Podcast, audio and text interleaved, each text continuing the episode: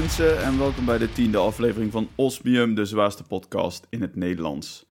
Gepresenteerd door Zware Metalen, het metal magazine van de Benelux. Mijn naam is nog steeds Niels en zoals altijd word ik vergezeld door de man die na de vorige aflevering sowieso gewiretapt wordt door de FBI, de CIA en de organisatie van Eurosonic Noorderslag. Hoofdredacteur Pim, yo. Oh jee. Oh, zei je wat? ik, ik pak even een donut. Ik ben helemaal geïntegreerd hier. Zakje van Dunkin' Donuts. Oh, oh, oh. Mm, lekker. hey. die, hebben, die hebben we ook in Nederland, hè, Dunkin' Donuts. Ja, maar niet, is niet zo lekker als hier, man. Dus Amerikaans. Ja, dat moet dus allemaal met het, moet met het vliegtuig vervoerd worden. Het is helemaal soggy als het aankomt hier natuurlijk, hè. Dus ja. maar de knapperigheid is er vanaf. Ja, maar we zijn er weer, tiende aflevering. Nou, hè, het is allemaal wat. Uh, even kijken, we moeten natuurlijk eventjes de mensen herinneren aan het feit dat wij Facebook en Instagram hebben. Facebook.com slash osmiumpodcast, geloof ik. Zeg ik dat goed? Ja. Ja, jij bent een beheerder van die pagina, Niels. Ja, klopt, ja, inderdaad. Uh, dus ik zou het moeten weten. Nou, dit, ziet, dit, dit, dit geeft wel het professionele niveau van deze podcast aan. Uh, en Instagram.com slash osmiumpodcast ook zo. Right. Lekker uniform, jongens. We zijn overal. Laat ons even weten of we ook een TikTok-account moeten hebben. Misschien, misschien kunnen we daar wel wat mee, joh. Voor de, voor de jeugd. We moeten de podcast naar iedereen brengen. We discrimineren niet. De tieners. Misschien kunnen we een dansje doen eh, op de audio van onze podcast. een dansje doen. Wat voor een dansje? Toch wel iets van een, gewoon een, een one-man een one -man moshpit of zo. Nou, ik heb dit weekend naar de Super Bowl gekeken. En daar had je de halftime show van Shakira en J-Lo. Oh ja, ja. En ik denk, als ik nou Shakira ben en jij J-Lo, want jij bent wat ouder dan ik. Ik denk dat dat gewoon kan. Oké, ja, vet. Maar ja, oh, even voor de mensen die voor het eerst inschakelen. Pim zit voor zijn werk in Amerika, dus dat, dat zeg maar in één ruimte een dansje opnemen wordt lastig, denk ik. Maar, uh... Ja, maar dat is het hele idee van TikTok. Je hebt zo'n zo'n split screen, dan heb je links iemand en rechts iemand. Dus dat kan je onafhankelijk van elkaar opnemen. Aha, oké, ja, ja. Ja, kijk, ik, ik, ik, denk vooruit, Niels. Ja, kijk, jij bent jonger dan ik, dus jij weet dit soort dingen. TikTok is voor de jeugd. Ik, ik, dus, ben, ik ben de Shakira van jouw J-Lo, hè. Het is gewoon een power couple, power couple ja. hier. Alright, cool. Nou, um, waar gaan we deze aflevering over hebben? Nou, jij zit dus in Amerika, zoals ik net zei, dus daar gaan we nog even op terugkomen. Want de vorige aflevering hebben we daar, uh, hebben we daar best een lang, uh, ja, lang stuk bij stilgestaan. En uh, daar is nog wat, ja, wat, wat vervolg op. Je hebt natuurlijk ook wat shows gezien daar, dus daar gaan we het even over hebben. En we gaan weer eens een keer een serieus onderwerp aansnijden. En wel um, ja, muzieksnobbery. Wat het precies is en um, ja, hoe, het je, hoe, je, hoe, je, hoe wij daar tegenover staan. Daarover straks meer. Als eerste gaan we het even hebben over. Nou ja, je had de vorige keer over jouw eerste ervaringen daar aan de andere kant van de oceaan. En um, ja, ik zou zeggen, take it away. Wat, wat, wat, wat heb je nog meer meegemaakt? Wat wil je nog vertellen? Nou ja, we hebben hier, voordat we de podcast op gingen nemen vandaag, hebben we een korte discussie gehad over tot op welke hoogte we hier nog bij stil willen staan. Want dan, onderaan de streep is het nog steeds natuurlijk een muziekpodcast. En het is heel interessant om te weten dat ik vast zat bij de immigratie voor anderhalf uur en dergelijke.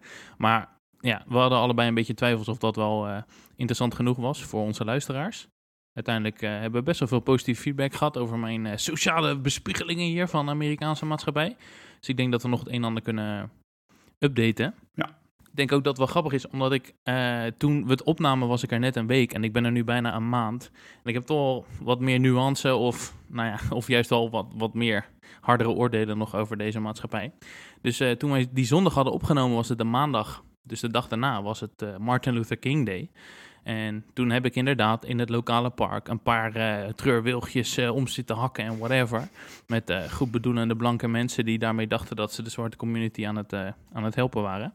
En later op de dag ben ik naar de Eastern State Penitentiary gegaan. Dat is een soort van gevangenis midden in de stad van Philadelphia. Met een audioguide die was ingesproken door Steve Buscemi. You know. Zo. Maar daar was een voorleessessie van de Birmingham Jail Letter van Martin Luther King. Dus Martin Luther King had meegedaan aan het protest. Daardoor was hij in een gevangenis gezet. En vanuit de gevangenis van Birmingham heeft hij de Jail Letter geschreven. En het was wel grappig, omdat ik denk, ik heb hier twee alineaatjes die ik even wil parafraseren van uh, Martin Luther King. Mm En die, die weerspiegelen nog steeds geweldig wat je, ja, hoe, hoe, hoe de huidige maatschappij hier in Amerika alsnog te werk gaat. Uh, dus het gaat erover eigenlijk dat mensen doen alsof ze heel erg open-minded en goedwillend zijn, maar uiteindelijk zijn ze onbegrijpend. En uh, Martin Luther King uh, vindt dat eh, het meest verwarrend van alles. Dus hij schrijft, eh, hij schrijft een brief naar zijn fellow Christians en die zegt... eh, I must make two honest confessions to you, my Christian and Jewish brothers. First, I must confess that over the past few years I've been gravely disappointed with the white moderate. Dus als we het hebben over de white moderate, dan hebben we het over de mensen, zoals uit de vorige aflevering, die dan in zo'n DIY-groep zitten en die een oproep doen voor een nieuw bandlid en dan zeggen, jongens, als je LGBTQ+, of een bepaalde skin color hebt, dan mag je meedoen. Ja, ja, ja. I've almost reached the regrettable conclusion that the Negro's great stumbling block in this stride toward freedom is not the white citizens' counselor or the Ku Klux Klaner, but the white moderate, who is more devoted to order than to justice, who prefers a negative peace, which is the absence of tension, to a positive peace, which is the presence of justice.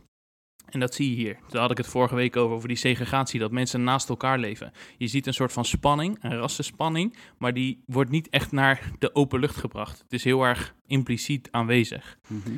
Ehm, en dan zegt hij: eh, Shallow understanding from people of goodwill is more frustrating than absolute misunderstanding from people of ill will. Lukewarm acceptance is much more bewildering than outright rejection. En ehm, ja, dat is wel, eh, wel grappig. Want ook gisteren had ik weer, zat ik in die DIY-groep en was er een all-female band die inderdaad ook weer een oproep deed voor een nieuw bandlid. Ja, ze zeiden, jongens, als je LGBTQ bent of, een, of colored bent, dan is het allemaal prima. Dan ben je welkom. en er stond onderaan, de oproep stond, but obviously no dudes. Dus eh, Ja. open-mindedness in Amerika, jongens. Is geweldig. Dus dat was nog een stukje koppeling over de Martin Luther King Day. Was wel erg eh, interessant om te zien. Ja, Ik heb eh, een hoop armoede gezien in de tussentijd. De Super Bowl, we hadden het er net over, over Shakira en Jennifer Lopez. ja, Maar ja, ik denk dat het leuk is om even stil te staan bij een scene-rapport van Philadelphia. Ik ben naar een paar concertjes geweest. ja. En eh, dat waren twee daar, of nou ja, drie daarvan zijn denk ik wel leuk om even te bespreken. Dus de eerste echte metal show waar ik heen ging was in Ortliebs. Dat is een soort van, ja, een bar eigenlijk. En die hebben een klein zaaltje achterin met een soort van Moulin Rouge aankleding. En daar speelde de band Red Death, Enforced en Backslider.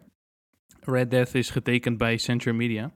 En eh, ja, dan sta je hier op te treden voor 80 man of zo in zo'n klein zaaltje. Maar meer man paste daar ook niet echt in. Zij maken thrash, core of ja, crossover in de geest van eh, niet per se Municipal Waste of eh, die gasten van Urban Discipline, hoe heet dat ook alweer? Biohazard. Ja. Maar het was meer een soort van moderne, agressieve versie zoals Power Trip dat doet of eh, Primal Right. Dus het was echt gewoon mid-tempo thrash metal riffs, met dan de realisatie dat eh, die eigenlijk supergoed gebruikt kunnen worden voor een hardcore breakdown. Dus ook al was er af en toe wat gesoleerd, een beetje Master of Puppets kwam er doorheen, was het nog steeds gewoon een dikke moshpit met veel side-to-sides en veel agressie.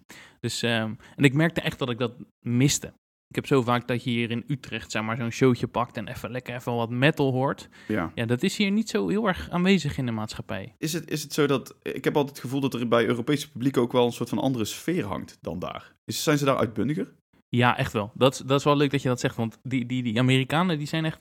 Maar dat is in heel de maatschappij. Zeg maar, ze maken heel veel oppervlakkige gesprekken met elkaar. Ook als je ergens, eh, eh, als iemand jouw bestelling op komt nemen of zo, dan is er altijd een heel kort gesprekje. Maar dat, dat gesprek klinkt altijd heel aangenaam en positief en upbeat. Ja. En dus hier ook heb je dan mensen geven veel meer applaus. En zeker bij hip-hop shows hoor je mensen, als er zo'n harde bar gedropt wordt, dan hoor je mensen echt zo zeggen: Oh, yeah, speak on it. Dat is zo grappig, joh. Alsof ze in de kerk zitten bij een gospelconcert of zo, weet je wel. Ja. Dus ehm, ja, het is veel uitbundiger inderdaad. Preach, en mensen zijn ook echt enthousiast. Ja.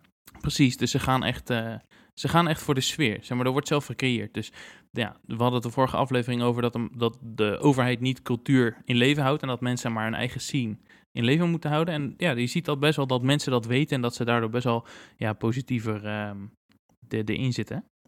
Eh, dus dat was een erg vette show. Ik ben al naar Wristmeet Racer geweest. Die had ik ooit een keer getipt Ja. voordat ik hier naar Amerika ging. Dus even full circle gaan we hier. ja. Dat was in de Creep Record Store. Dat is een LP-winkel, een beetje een ja, soort woonbouwcomplex. Of een nieuwbouwcomplex voor, met woningen erin. En eh daar onderin hebben ze dan een best wel grote LP-winkel. En ze hebben modulaire LP-bakken, dus die staan op wieltjes. En die worden allemaal naar de kant geschoven.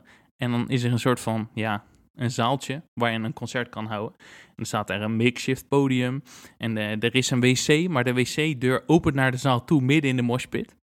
Dat was best wel was gewoon Philadelphia hardcore, dus die scene is hier best wel groot. Dus er was Ja. dikke moshpits, best wel, best wel veel karate en zo, echt hard. Mensen gingen helemaal kapot in de moshpit. Vet. En dan komt af en toe komt er iemand uit de wc, gaat die deur open en dan knalt er iemand die een side-to-side doet zo fucking hard tegen die wc-deur aan. Dat je echt denkt van, dit is zo ongevaarlijk aan alle kanten, joh. Oei, oei, oei. Maar dat, dat, dat mag de pret niet drukken, zeg maar. Dus mensen gaan er nog steeds heel erg hard voor. Ja. En ehm, ik vond de headliner Wrist Meet Razor echt bagger. Dat was echt beschamend slecht. Ik had het al tegen jou gezegd in een privéchat. Was eh, een soort van The Bled, als mensen nog weten wat dat was. Een soort van ja, early 2000 metalcore. Haast een beetje amur eigenlijk. En dat is echt een vieze, vies woord. Oef, ja. En eh, ja, waren mensen met zwart haarspoeling, terwijl ze zelf nog wel een rossig baardje eronder hadden, chokerkettingen, eh, chubby, gast op de drums, rozen aan de microfoon standaard. Het was oogschaduw, het was echt niet om aan te zien. Echt een soort van trip in de tijd was het. En dan met gewoon van die emo overstuurde hardcore breakdown, zeg maar. Ging helemaal nergens over. Maar eh, ja, dat was wel een vette show. Oké. ja, ik vind wel... Het klinkt wel alsof het een, eh, een, een, een beleving was die je misschien meer voor de, gewoon voor de bizarheid van het publiek en dat soort dingen en alles eromheen dan om de muziek eh, gaat zien. Ja, zeker. Ja. Daar, daar, heb je wel gelijk in. Zeg maar, ik, eh, mijn standaard om naar hier naar een concert te gaan is niet zo heel erg hoog. Zo van, oké, is er iets te doen, dan ga ik daar wel heen. Ja. Dus eh, als nog een ander voorbeeld, als derde show die ik had gezien was een basement show. We hadden het over dat er best wel veel shows zeg maar, gewoon in iemands huis eh, gedaan wordt. Dus ik ging naar de volgende basement show die zich voordeed in mijn pad. En dat was Twin Beds. Een soort van, ja, grunge, punk, beetje neerslachtig, een beetje indie was het. En eh, was in West Philly in mijn wijk, eh tien minuten lopen van mijn werk ook. En ja, dat is een zo'n vervallen Victoriaans huis, maar echt gigantisch groot. Maar het was eigenlijk meer een college party. Het was een soort van American Pie waar ik in terecht Frat, kwam. frat boys Dus- en zo. Ja, nou ja, niet echt fratboys, want eh, hè, de, de dudes en de bros, die, die waren niet welkom, dus die waren er allemaal niet, behalve ik. Oh ja, ja. Maar dus ik kwam daar aan, joh, echt vreemd, joh. Echt zo'n verlaten huis. Of niet een verlaten huis, maar echt zo'n ja, afgevallen huis, maar met een supermooie porch of veranda. En nou, ja, je flapt 5 dollar en dan mag je naar binnen. En dus, nou, het hele huis stond vol met mensen. Ik denk dat er wel 200 mensen in dat huis stonden. En je kon via een klein trapje kon je de kelder in en daar was dan de zaal. En dat was een beetje, ik weet niet, heb je ooit Minecraft gespeeld? Eh, ja. Oké, nou, als je voor de kijkers thuis die ook Minecraft hebben gespeeld. Eh, als je op de eerste nacht, als je er bent, moet je schuilen voor de zombies en Ja, zo. ja, ja, ja. En wat veel mensen doen, is ze bouwen zichzelf in en dan graven ze in de grond. ja. En dan, en dan hakken ze zeg maar een soort van schoenendoos-formaatachtig Ja, ja, achtig, achtige kelder. En dat was precies dit. Alsof iemand gewoon Minecraft aan het spelen was. Gewoon een perfect rechthoekige schoenendoos onder dat huis. En dat was de concertzaal. En ze hadden dan een paar van die, van die techie lichtjes en zo. En een, en, eh, en een amplifier en zo. Maar je kon helemaal niks zien, want het was super donker. Het enige wat je echt kon zien was de gaten in het plafond. Zeg maar van de, van de vloer van de bovenverdieping. Ja, waarop ja. je mensen zag lopen. Nou, was echt, eh, ging nergens over. Maar was muzikaal wel grappig. En eh, ja, ik voelde me daar erg oud. Dus ik ben zelf nu 26, 26. Maar ja, de mensen daar bij die show waren allemaal college students. Dus die waren 21. En het was gewoon... Ik was gewoon een American Pie, maar dan zonder de slechte humor. Echt bizar. En eh, ja, was wel grappig. Want dat was ook in zo'n wijk... wat eigenlijk niet echt een gezellige wijk is, zeg maar. ja. Dus, je voelt daar, ja, het is best wel veel armoede. En dan kom je even, dus in de college parties in een eigen veilige safe space in een Minecraft kelder. Een beetje aan het springen op van die grungy indie punk. Dat je denkt van, ja, het is wel weer Amerikaans. Ja, ik, ik vraag me af, die, die, je zegt die basement show eh, scene, is, die, is, de, is dat groot? Hoe gaat het eigenlijk in zijn werk? Wordt, worden die shows groot aangekondigd of is het gewoon van last minute zo van, oké, er is een lokale band die even een showtje wil spelen, dus eh, volgende week eh, zaterdag in dit huis? Of eh, hoe, hoe moet ik dat zien?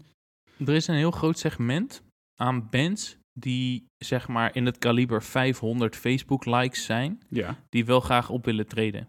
En in Nederland is daar niet echt een platform, denk ik, om, om daar te spelen. We hebben niet echt meer van die jeugdhonken waar gewoon van die, nou ja, quote-unquote kansloze bandjes ook gewoon even spelen en waar veel mensen op afkomen. Maar hier heb je echt wel dat dat in leven gehouden wordt. Dus het zijn vooral kleinschalige shows, maar toch wel via ons kent ons. Het is toch wel een miljoenenstad hier. Komen er toch wel 50 of 100 of 200 mensen op zo'n show af, afhankelijk van waar en wanneer het is en welke bands er allemaal zijn. Dus het zijn echt hele kleine bands met nou ja, minder dan 1000 Facebook likes die dan zo'n showtje komen doen en ergens in een basement terechtkomen. En je moet een beetje opletten of je dat vindt, zeg maar, of, of je in aanraking komt met de aankondiging van die show. Want er worden niet heel erg wijd verspreid. Maar er zijn een aantal Facebookpagina's die je in de gaten kan houden, zodat je een beetje weet wat er speelt. Maar ja, 9 van de 10 keer zeggen al die bandnamen je niks. Want dan heb je zoiets van, ja, oké, Twin Beds ken ik niet en Public Serpents ken ik ook niet. Dus ja, je moet maar een beetje op uh, Rate Your Music kijken of Bandcamp, uh, wat het nou allemaal precies is. Ja. En uh, zo kom je daar een beetje achter. Oké, op die manier. En... en... Uh, toeren die bands al rond? Of is het gewoon, die, die wonen daar in de buurt? Of, of hoe moet ik dat zien? Is dat one-off show voor hun? Of... Nou, het zijn vaak zijn het zeg maar één. Het, je hebt twee types. Je hebt of echt een lokale band en dan heb je gewoon vier lokale bands. Ja. Of vier bands uit de regio in ieder geval. En soms heb je gewoon dat mensen een mini-tour doen.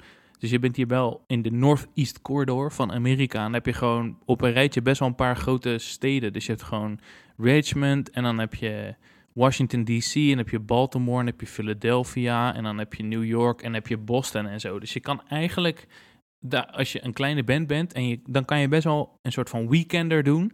Dat je vijf showtjes doet in een weekend langs een paar basements ergens in, die steden. Dus uh, ja, dus het is redelijk professioneel voor het feit dat het zo ongecoördineerd bestaat, zeg maar. Ja, ja, als ik het zo hoor, dan denk ik echt zo van, nou, er zijn gewoon een paar van die gasten die... Uh die pleuren een drumstel en een uh, paar versterkers achter in een auto en die, uh, of in een busje. En die, uh, die rijden ergens heen, die spelen een show, drinken daar gratis. Waardoor ze dus zoiets hebben van, nou, als we gratis kunnen drinken, dan is het prima. dan komen we wel spelen en dan, dan rijden we weer weg. Maar je kunt dus wel daadwerkelijk gewoon meerdere plekken aandoen ja. in, de, in de buurt. Maar wat, ja. ja. het is natuurlijk wel een groot, groter gebied natuurlijk dan in Nederland. Dus ja, je zult ook wel langer moeten rijden dan. Dus, ja. ja, zoals ik zeg, het valt wel mee. In die Northeast Corridor is het allemaal niet zo hele grote afstanden. Zeg maar. Je bent binnen twee uur, drie uur ben je in Washington D.C. Uh, vanaf Utrecht ben je ook binnen twee of drie uur in Antwerpen. Dus op zich, ja, zeg maar, ja. het, dat valt best wel mee. En, en, dan kan je vanaf daar, als je zou willen, kan je zo naar Parijs. Uh, dus, dus je moet het een beetje op die manier, uh, moet je dat zien. Oké. Maar dat was wel, was wel lachen, joh. Dus dat is even een beetje een scene-rapport van Philadelphia. Ja. Ik, ik, heb nog een hoop uh, andere indrukken. Ik heb veel armoede gezien. Ik heb uh, slapende mensen die uit de popijs gesleept worden. Ik heb uh, een keer toen ik s'avonds om 12 uur s'nachts de metro pakte, heb ik door een hal gelopen met misschien wel 40 daklozen die daar voor de min 10 graden Celsius aan het schuilen waren. S'nachts en daar lagen te slapen. Ik heb 20 minuten lang in een metrocabine gestaan met een heroïneverslaafde die echt als een maniacale gek helemaal de longen uit haar lijf aan het schreeuwen was en zo. Echt, uh, dat is echt... Ja, je wordt hier een beetje afgestompt ook van, van, van al die hele vreemde, ongezellige indrukken. Dus in het begin dan, dan komt alles heel erg hard binnen, zoals tijdens de vorige aflevering. En nu, ja, dan sta je in de metro en heb je weer zo'n gek... of dan heb je weer iemand die een beetje in zichzelf zit te mompelen of zo. Het is gewoon alsof je GTA aan het spelen bent. Op een gegeven moment wordt het gewoon normaal dat je al die vreemde dingen om je heen ziet het lijkt me zo, zo, zo van. Dat je, want je beseft het wel, weet je wel. Jij, jij hebt, je hebt wel het besef van, ja, oké, weet je, dit zou in Nederland waarschijnlijk niet zo snel gebeuren. En, en, en, en dan zeg je zo van, ja, het is zo van, ja, je bent eraan, weet je wel, en je wordt er een beetje door afgestompt. Maar ik vind het toch wel best wel zo van, je bent er nu een maand en ja, nu is het al gewoon. Dat, het, dat, dat ik denk van, ja, die lokale, voor die lokale bevolking is dat al hun hele leven zo. Dus, die, dus het hoort er dan bij, maar er wordt dus ook daarom niks aan gedaan of zo? Of hoe moet ik het zien? Ik, ik... Ja, ik, ik vind het heel lastig meer de politieke situatie te doorgronden, de lokale politieke situatie in ieder geval. Ik uh, lees al het een en ander op de subreddit van Philadelphia, dus dan kan we een beetje aan aanraken met lokaal nieuws. nieuws. Mm Maar het is, het is een beetje ik kan er de vinger niet op leggen waarom dit is. Of dit nou een ideaalbeeld is van de maatschappij. Of dat het door bepaalde factoren komt. Zeg maar, zoveel kennis van de stad heb ik ook weer niet. Ja. Uh, ik weet wel gewoon dat de stad in de jaren 60 en 70 gewoon best wel ja, verlaten werd. En, en gewoon echt in, ja, in staat van verval was. En dat het nu weer een beetje on the up is. Maar ja, ik heb bijvoorbeeld uh, gesproken met mijn schoonmaakster van de Airbnb. Ja. Zij is uh, non-binair. Zij komt uit uh, North eh, Carolina en is heel christelijk en republikeins opgevoed. En toen zij eigenlijk erachter kwam dat ze zich niet echt een vrouw voelde, zeg maar. Ze was een beetje, ja, Ze voelde zich niet helemaal vrouwelijk. Hadden de ouders er totaal geen begrip voor. Want ja, voor hen was dat een mentale ziekte. En zelfs als het een mentale ziekte was, dan zouden die ouders zich niet geroepen voelen om haar hulp te geven. Dus als het depressie was, dan zeg je, nou, hè, ga misschien een keer naar een psychiater of zo. Maar hier eh, zeiden ze, nee, we gaan helemaal niks voor je doen en je gaat maar lekker weg. Dus uh, zij is eigenlijk gevlucht van de familie naar Philadelphia. En voor haar is het wel een stad waar ze zichzelf kan zijn. Dus ook al zie je heel veel vreemde dingen, het is toch ook een, een toevluchtsoord. Juist omdat het zo vrij is dat heroïneverslaafden gewoon in een cabine vrij kunnen schreeuwen. Dat betekent ook dat als je transgender bent of een non-binair, dat je hier ook wat meer vrij jezelf kan zijn. Dus het is, ja, iedereen negeert elkaar een beetje. En daar heb je ook weer de vrijheid om te zijn wie je, wie je wil zijn. Ja. En uh, misschien is dat juist ook alweer een pluspunt ten opzichte van uh, wat meer bekrompen achtergrond. Uh, Zoals in North Carolina. Ja, ja, want je denkt wel dat het daar dus in Philadelphia meer accepterend is dan gemiddeld in Amerika. Of, of als er überhaupt een gemiddelde is, zou je ook kunnen afvragen. Ja, het is, deze stad is natuurlijk redelijk democratisch qua, qua, qua politieke voorkeur. En uh, je hebt hier ook uh, een, een, een gay quarter, zeg maar, waar gewoon gay bars zijn. En, en ja, dat bestaat gewoon vredig naast elkaar. En uh, soms zie je van die mensen die dan zo'n soort van uh, bordje hebben geprikt in hun voortuin waarin staat dat ze solidair zijn voor uh, bepaalde groepen en zo. En ook in die DIY community dat mensen zeggen, ja, als je LGBTQ plus bent, dan mag je in onze band spelen en zo. Dus uh, ja, in, in dat opzicht zijn mensen wel heel open-minded, maar ja, qua, qua armoede is het gewoon. Ja, ik, ik weet ook, ik denk ook dat heel veel mensen gewoon niet de oplossing hebben. Dus voor die schoonmaakster bijvoorbeeld, zij heeft nu drie baantjes tegelijkertijd. En om, om überhaupt net de hoofd boven water te kunnen houden, ze is blij als ze een stukje cheesecake zich kan veroorloven aan het einde van de week. Dus ze heeft gewoon, ja, ze, ze woont in een appartementencomplex met, met vijf andere mensen in, in een mini-appartement. En ze heeft een super dun deurtje. En aan de andere kant van die deur is een keuken die 24 uur 7 open is. Dus er hoort altijd gekletter en geklingel en geschreeuw en geroep van de keuken aan de andere kant van de deur als ze probeert te slapen s'avonds en zo. En ze is alsnog blij. Ze zegt Philly loves you back. Als je een soort van, ja, het is de, the city of brotherly love. Het is, als je hier, als je open staat voor de mooie kanten van de stad, kan het een hele fijne omgeving zijn. Ja. Dus je moet een beetje wel je eigen geluk nastreven. Maar je ziet ook dat mensen dat heel erg doen. Die, die schoonmaakster, die was heel erg blij dat ze niet meer in North Carolina woonde en dat ze hier zichzelf kon zijn. Ja, ook al zie je dan een hoop armoede om je heen en leef je zelf in relatief armoede. Ja, die vrijheid is alsnog beter dan ergens in North Carolina zitten met ouders die je niet eens aan willen kijken. Ja, ja, natuurlijk. En, en dat, dat is dan ook wel weer tekenend voor Amerika, dat je nog zo van die uh, stukken hebt waar mensen best wel ja, achterhaald denken op, over dit soort, soort kwesties. Dus uh, ja, het is, als ik het zo hoor, dan denk ik: oké, aan de ene kant is het fijn dat ze een plek heeft waar ze, het, waar ze terecht kan. Tegelijkertijd is het ook wel zo van ja, de standaarden zijn natuurlijk een stuk lager dan die, dan, dan die wij hier hebben. Dus uh, zit, ja, ik weet niet, er zit, er zit een tragedie en iets moois in of zo tegelijkertijd. Amerika is, is heel erg een, een maatschappij die draait om macht. En de mensen met heel veel macht, die, die hebben een soort van excellentie en een, een soort van heel erg, ja, een hele grote drijfveer om de wereld verder te brengen. Dus dan heb je echt ja, zo'n soort van Silicon Valley-achtige omgevingen waar mensen helemaal hard gaan. Ook hier Ja. op mijn werk, elite universiteit. Je merkt echt, die mensen zitten hier 80 uur per week volledig helemaal dedicated aan hun onderzoek. Alsof het normaal is. Eh, Op zondag zijn ze hier, op, op zaterdag zijn ze hier. Als het Super Bowl is, zijn ze hier.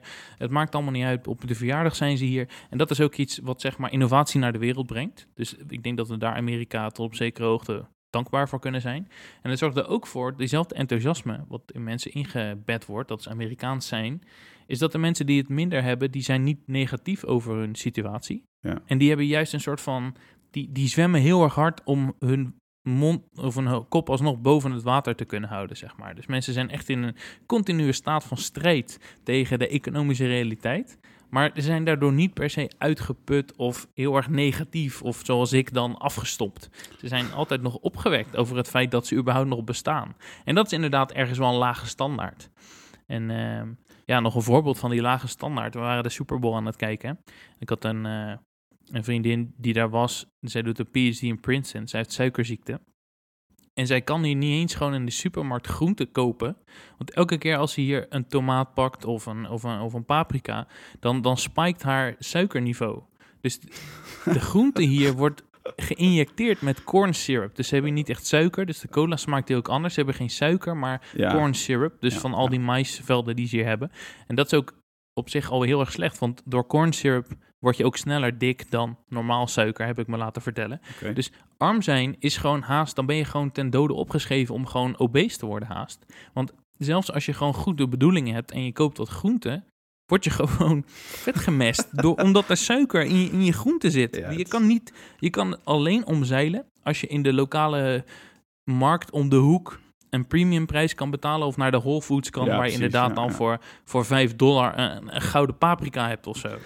dus eh, ja, dat is, dat is echt absurd wat je ziet, joh. Ja. Dus ja, gezond zijn, heb ik zelf ook gemerkt, is heel lastig hier. Het is super duur. Ik heb serieus, ik was boodschappen aan het doen. En ik doe ja meal prep, want ja, steeds buiten eten, de deur eten is natuurlijk onbetaalbaar. En eh, ik was om 11 uur s'avonds in de supermarkt, die is 24 uur per dag open. En er was een bedelaar in de supermarkt, die, die had een soort van zo'n cheesesteak broodje voor 76 cent. En die zei, yo, heb je 1 dollar voor mij, zodat ik dit kan eten? en hij zag er zo zielig uit, dus ik gaf hem die dollar. En vervolgens draaide ik me om en liep ik naar de champignons en pakte ik voor 4,5 dollar 700 gram champignonnetjes. Het was zo fucking absurd, jongen. Als je gezond wil eten, is niet te doen. Ik, ik wist wel dat, het, eh, dat die Whole Foods eh, markten en zo best wel prijzig waren en zo. Maar dit, ja, dit is, dit is bijna twee standaarden hebben ze daar. Vet, vettig, simpel eten is, is mega betaalbaar. En daardoor ja, wordt die, heeft Amerika ook een groot probleem met obesitas. En Ja. Ja, Eh, mensen worden gewoon vet gemest. ja, En het is daardoor, is het ook, als, als Europeaan is het soms lastig om te zien dat mensen van die conspiracy theories hebben, weet je wel, zo van deep state. En er is een conspiracy van de mensen om de armen vet te mesten en dan hebben ze geen healthcare. En dan gaan ze, moeten ze een GoFundMe-pagina op, op, Ja, opdoen, ja, zodat ja, ze een operatie krijgen. En dat belandt allemaal in de, in de zakken van Big Pharma, weet je wel.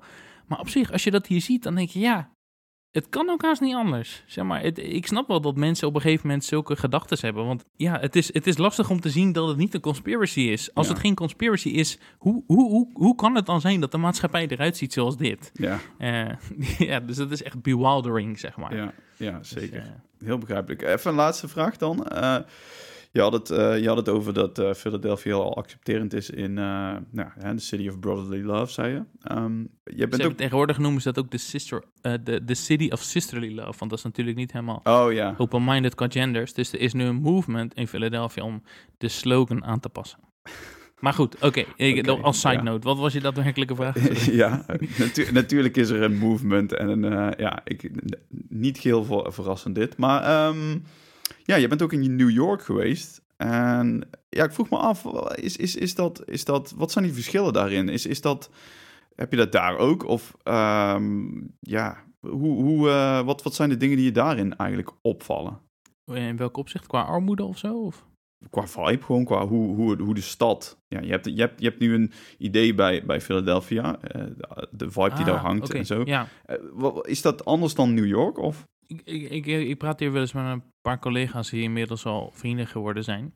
Want ik denk dat wat een van hen mij vertelde, wat is wel iets wat grappig is misschien om dan ja, te herhalen, is dat Philadelphia voelt een beetje als New York in de jaren 80, 90. Dus er is een tijd dat New York ook niet echt helemaal een sprankelende stad was. Er was ook veel crime en, en armoede en, en dakloosheid en een beetje ruigheid. Ik denk als je nu als toerist naar New York gaat, dan, zijn er, dan is het heel erg veilig. En dan heb je overal een leuke eclectische sfeer. En allemaal, alle, alle, alles is shiny en alles is leuk. En er zijn ook heel veel wijken die dan gegentrificeerd worden, die vroeger ja, echt no-go areas waren.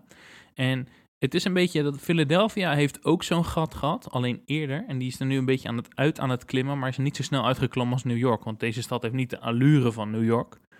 En, en daardoor zie je eigenlijk dat mensen vinden het leuk om in Philadelphia te zijn, omdat ze het idee hebben dat het voelt als het New York van 20 of 30 jaar geleden. Ja, ja. Beetje dat meer ruigere New York. Het Ja, wat minder toeristische trekpleister New York, maar meer het New York voor de in-crowd. Voor de mensen die er echt daadwerkelijk wonen, in plaats van de toeristen die even een weekje op citytrip komen om daar eh, de woningmarkt te vervuilen met een Airbnb-aanwezigheid. Ja, en zo. Dus, Dus eh, d- er hangt zeg maar een nostalgiefactor dan.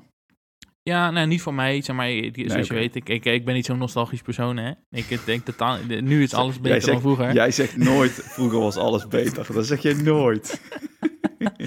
maar goed, dus ehm, ja, het is eh, voor mij niet per se nostalgisch of zo. Maar Mhm. ik, ik zou zeggen, Philadelphia is een beetje New York zonder flair. Zonder ja, zon- zonder de- die, die sfeer, die energie die Grandeur. New York zo uniek maakt. Het Ja. is een beetje een New York zonder, zonder coole vibes. Dus ik, eh, ja, nou ja, ik ben niet geweldig enthousiast over de stad, maar ik vind het wel gigantisch gaaf om hier te zijn. Dus eh, het is leuk ook dat ik hier een kleine uitlaatklep om daar eh uitvoerig over te kunnen discussiëren met jou. Ja, nou ja, ik vind het ook wel interessant om te horen. En volgens mij, ondanks dat het eigenlijk niet zo heel veel over muziek gaat, hebben we na de vorige aflevering best wel wat positieve reacties erop gehad. Dus ehm, Ja, mensen vonden het wel interessant inderdaad. En ik denk eh, dat, dat de boodschap eh, dat we niet zoveel naar Amerika moeten kijken en meer focussen op onze eigen gemeenschap en hoe wij dingen beter willen regelen en niet in een soort van Amerika 2.0 willen vervallen, is, eh, is wel een krachtige boodschap, denk ik. ja, absoluut. Ja, en ja, laten we dat dan ook proberen niet, niet, niet te doen, zou ik zeggen. Maar ja. Ja. goed, om dan toch nog maar even terug te trekken naar, eh, naar, naar muziek, want dat is uiteindelijk wel een beetje een soort van de kern waarom we hier met elkaar aan het eh, babbelen zijn.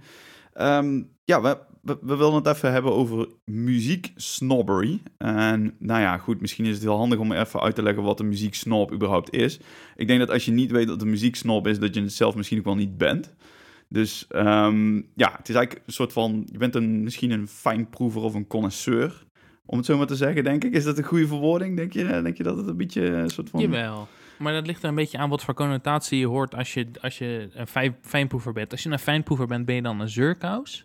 Of ben je dan zo enthousiast over iets dat je helemaal erin... Dat, is het een positieve energie of een Ja. negatieve energie aan Ja. het woord? Ik denk dat dat verandert van mens tot mens.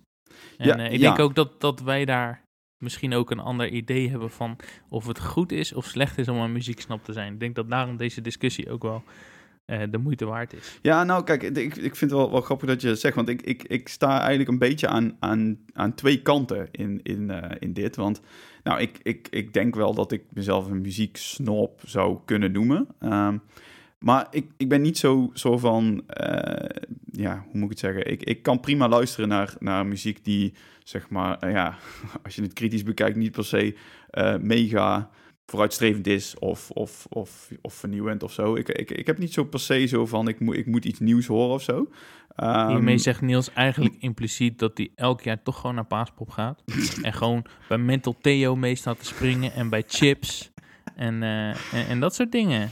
Ja, nou, eh, ik weet Is dat, is dat wat je wilt te zeggen, Ik, Niels? ik, eh, ik wou het niet zo zeggen, nee. Ik wou eigenlijk nog een punt eraan vastknopen, maar ja... ehm Too ja. Unlimited. Ja, hey, dat- dat- Boys. dat- Daar ben ik wel mee opgegroeid, ja. Dus ja, ik, guilty. Maar, maar goed, eh, onze guilty pleasures hebben we het al in een vorige aflevering over gehad. Dus misschien moeten we even terug naar het punt. Het ding is, ehm, kijk, ik, eh, nou, ik luister denk ik van de mensen die in mijn directe omgeving leven... meer, meer dan gemiddeld naar muziek dan hun, zeg maar. Dus, of dan zij, sorry. Ehm, dus ja, ik, ik, ik denk wel dat ik enigszins verstand heb van, van een, nou, een bepa- een bepaalde subtak van muziek. Ehm, en, en wat ik heel vaak heb is als ik, als ik over muziek praat met mensen die, die dat gewoon soort van consumeren op een manier waarop ik denk misschien 80% van de mensen het consumeert. Als in, nou ik luister gewoon wat lekker in het gehoor ligt en ik denk er niet te veel bij na. Dat. Dan heb ik heel vaak zoiets van, hmm, ben ik nou zo'n ik, ik voel me zelf snel een, een, een soort van zeikert. Zo van, ja, maar dit is toch geen echte muziek en bla bla bla. En eh, wat kun je hier nou mee? En het is allemaal al een keer gezegd, weet je wel. I love you kun je maar op zoveel manieren zeggen. En het is allemaal afgezaagd in cliché. Het volgt een formule, bla bla bla bla, weet je wel. Al die dingen. Dus dan voel ik me heel erg een snob. En dan, dus dan sta ik aan de ene kant dat ik mezelf een snob voel. En dan praat ik met jou.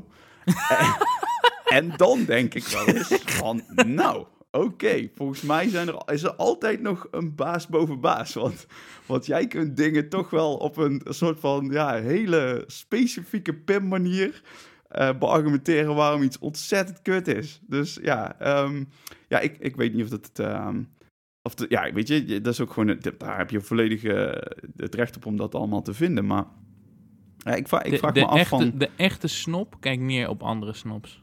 Ja, is dat, ja, ja misschien, is, misschien is dat wel de beste omschrijving van een snop. Dus misschien ben je maar een halve snop. Ja, misschien, Omdat je wel een beetje neerkijkt op de plebs, maar niet op andere snops. ja, maar, of, of ja, dus jij bent koningssnop dan? Nou, ik zou mezelf geen koning noemen. Niet? Nee, zeker niet. Nee, dus ja, oké, nou ja, goed. Ik, ik, ik denk wel dat je een grotere snop bent dan ik. Mag ik dat zeggen? Ja hoor, Oké. mag gewoon. Voor mij, voor mij is, is snobisme ook niet per se een negatief aspect. Maar nou ja, aan de andere kant, we hadden het daar laatst over dat, ja, dat, dat ik mezelf ook afvroeg. Zeg maar, jij zei vorige aflevering zo van, ja hè, we hadden het over Every Time I Die. Mhm. En, en jij vond die nieuwe platen vond je wel goed. En ik vond, die zei, ja, maar die is zo goed als Hot Damn in 2001 wordt het nooit meer, weet je wel. En na drie platen ben ik al zes platen vroeger was het afgehaakt. beter. Nooit zeg je vroeger Nee, dat beter. zeg ik niet. Ik zeg alleen dat bepaalde albums goed zijn en die zijn nog steeds goed. Ik zeg Ja. niet dat vroeger dingen beter waren. Ik zeg dat nu nog steeds dingen die vroeger uitgebracht zijn, ja, toevallig beter waren. Dat kan gewoon. Ja. Maar goed, dus het was meer zoiets van dat ik me ook afvroeg van, je, we zijn wat kritischer op muziek. Ja. En, en, en, en is dat soms eigenlijk dat je daarmee je eigen plezier verpest? Ja, eh, ik, ik, Omdat je zo kritisch bent. Nou, als je, ja. ik heb hier op zich wel iets, iets goeds over te, of iets interessants over te zeggen. Ehm, De snop heeft er even, ik, ik zal eens even, ik, draai even aan mijn Franse snorretje zo en ik zal eens eventjes hier een punt gaan maken. Doe even, Eh, druk nee, hem. Nee, nou ja, goed. ehm, ik, ik zit nu drie jaar of zo bij Zware Metalen, of tweeënhalf of zo. En ik kan oprecht zeggen dat ik, toen ik bij Zware Metalen kwam, was ik veel soort van vatbaarder voor bepaalde dingen. In de zin van dat ik nu aan mezelf merk dat ik, omdat ik dus veel verschillende dingen moet recenseren en zo, of in ieder geval in het verleden heb ik dat, eh, heb ik dat gedaan. ehm, dan op een gegeven moment begin je ook gewoon echt dingen te zien dat je denkt, oh ja, dit is de zoveelste plaat die zo klinkt. Weet je wel? In plaats van dat je, dat je denkt van, oh, dit is vet, dit vind ik vet klinken. Begin je toch een soort van ding, ja, een soort van smaakding te ontwikkelen. Dat je denkt van, nou ja, ik, ik zou, ik, ja, dit is leuk, maar dit is niet meer wat me echt heel erg warm maakt of zo. Ik, ik word er niet meer super enthousiast van. En ehm, dat, is, dat is denk ik puur omdat ik dus met een best wel kritische pet moet gaan kijken naar albums. En ook sinds ik jou ken, is het ook wel anders geworden. Omdat je hebt natuurlijk een vrij stellige mening over sommige dingen. En dan, dan denk, ga ik daarover nadenken en denk ik, tja, weet je, soms heb je ook wel echt wel een punt. Dat ik denk, ja, ja, klopt. En dan ga je dus echt anders luisteren naar muziek. Dan ga je dus echt denken van, ja, weet je, misschien dat ik dit drie jaar geleden gewoon helemaal gaaf had gevonden. Weet je, het zoveelste hardcore album met een, eh, een, een HM2 kettingzaaggeluid.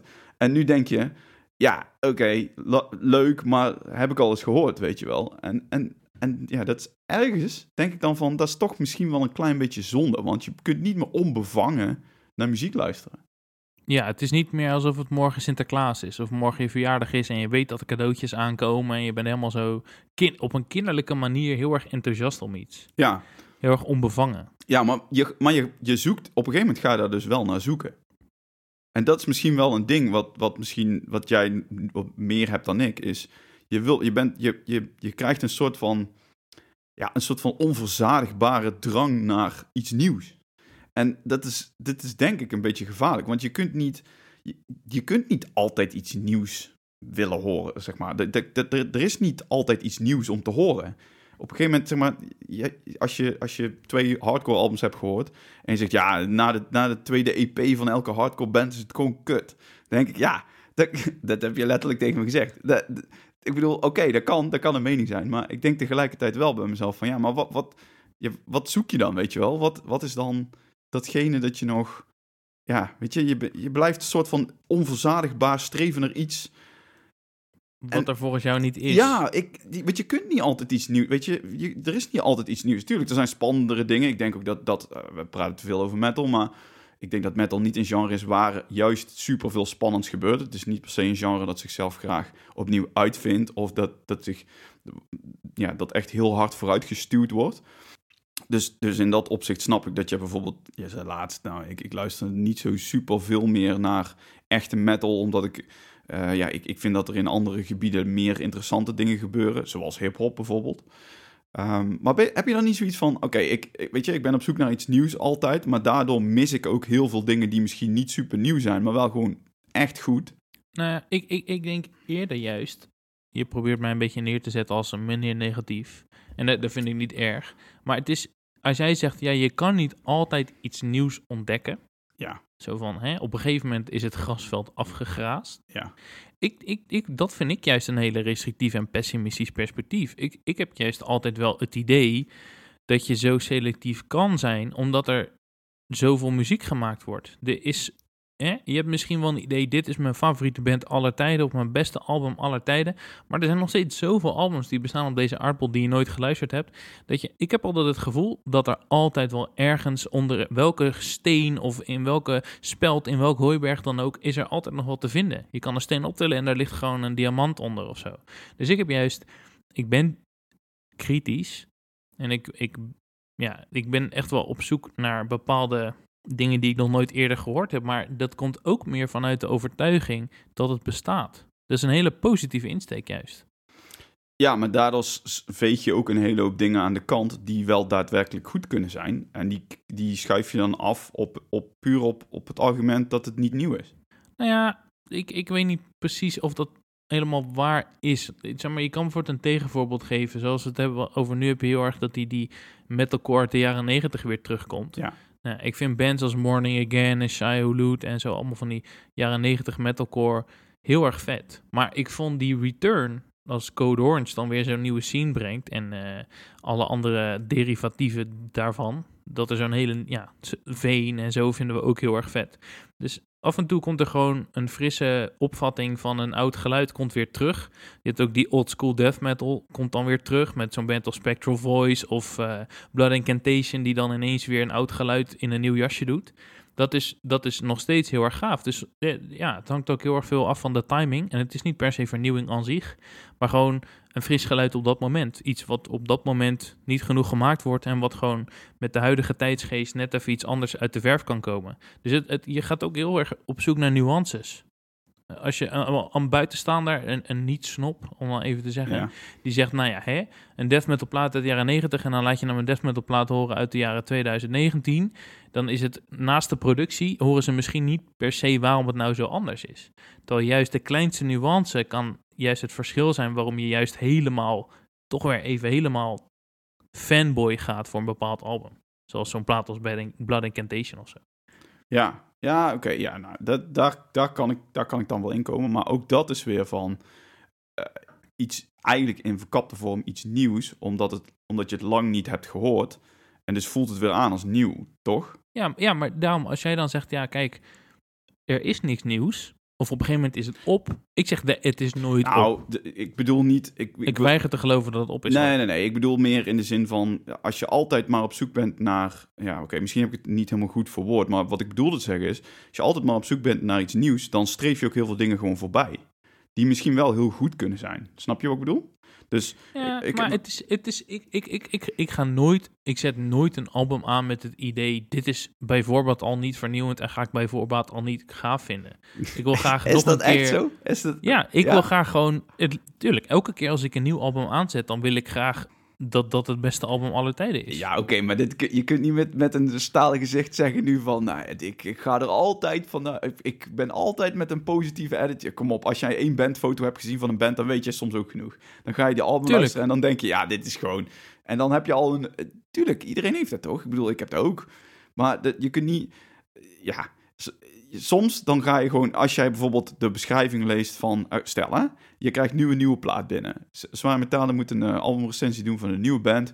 En die band die opereert in het genre metalcore. Ik weet zeker, 100% zeker, als jij die, als jij die plaat dan, dan aanzet, dat, je, dat jij al van tevoren denkt, ja, dit gaat, dit gaat zo 13 in een dozijn zijn, formule volgend, dit is niet interessant. Dat, dat, dat kun je me niet anders vertellen dan dat.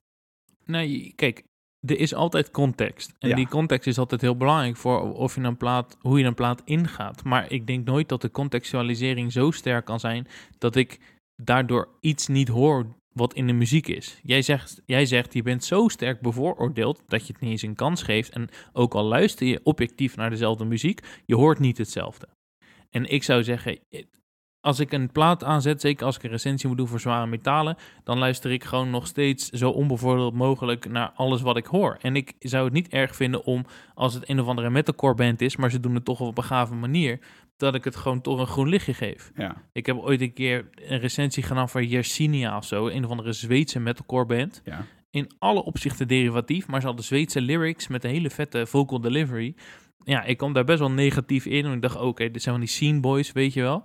En op een gegeven moment na een paar luisterbeurten denk je, nou, maar dit is toch eigenlijk best wel gaaf en best wel uniek. Ja. hebben we uiteindelijk toch iets van een 8,5 aangegeven. Zeg maar je moet, als je echt daadwerkelijk ook een snop bent of een fijnproever of een kenner, dan moet je ook onder ogen kunnen zien dat je vooroordeel bijgeschaafd moet worden, Ja, ja. omdat je daadwerkelijk nieuwe informatie hebt. Ja, oké, fair enough. Ik, ik, moet, ik moet je wel meegeven dat je... Je hebt meerdere malen tegen, tegen mij wel eens gezegd van... eh, dat je toch bent bijgedraaid op een plaat.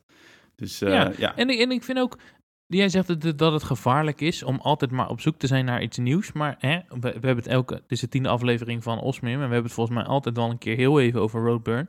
Neem een festival als Roadburn. Ze zijn altijd, elke editie tegenwoordig in de afgelopen vijf tot tien jaar is anders dan die daarvoor. ja. En, elke, en, en ook anders dan alle jaren daarvoor.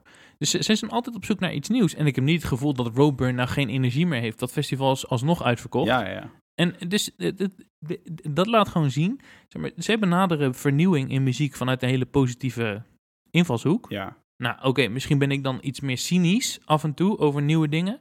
Maar het is wel dezelfde insteek. Zo van, oké, er is nieuwe muziek en er is gewoon een hele goede kans dat dat iets innovatiefs is en dat het iets nieuws doet.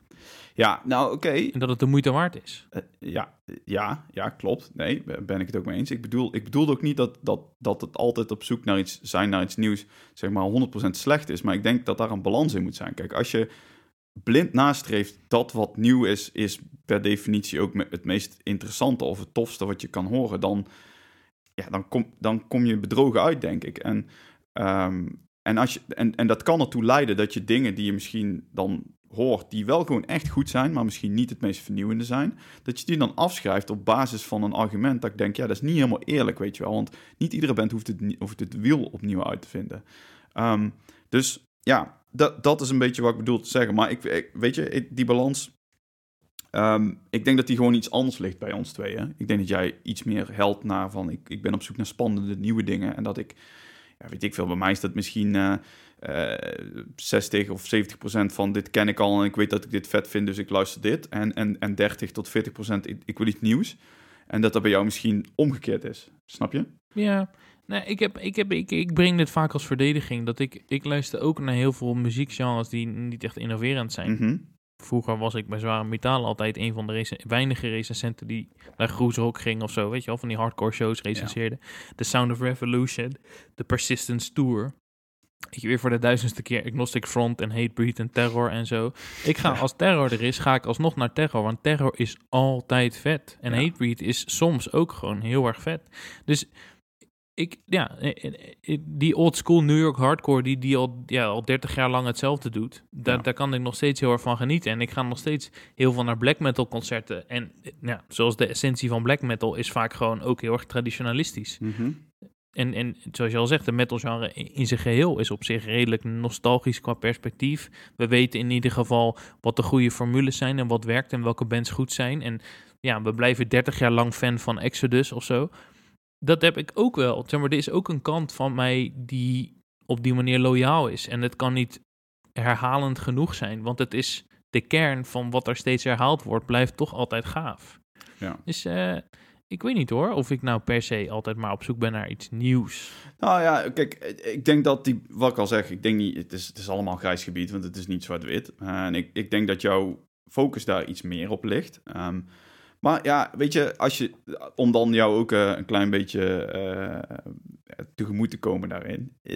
Kijk, als je, als je begint met, met, met metal, dan begin je bij, bij ja, nou ligt eraan in welke decennium je bent begonnen. Maar ik ben bijvoorbeeld begonnen bij nu metal. Nou ja, weet je, dan hoor je als eerste hoor je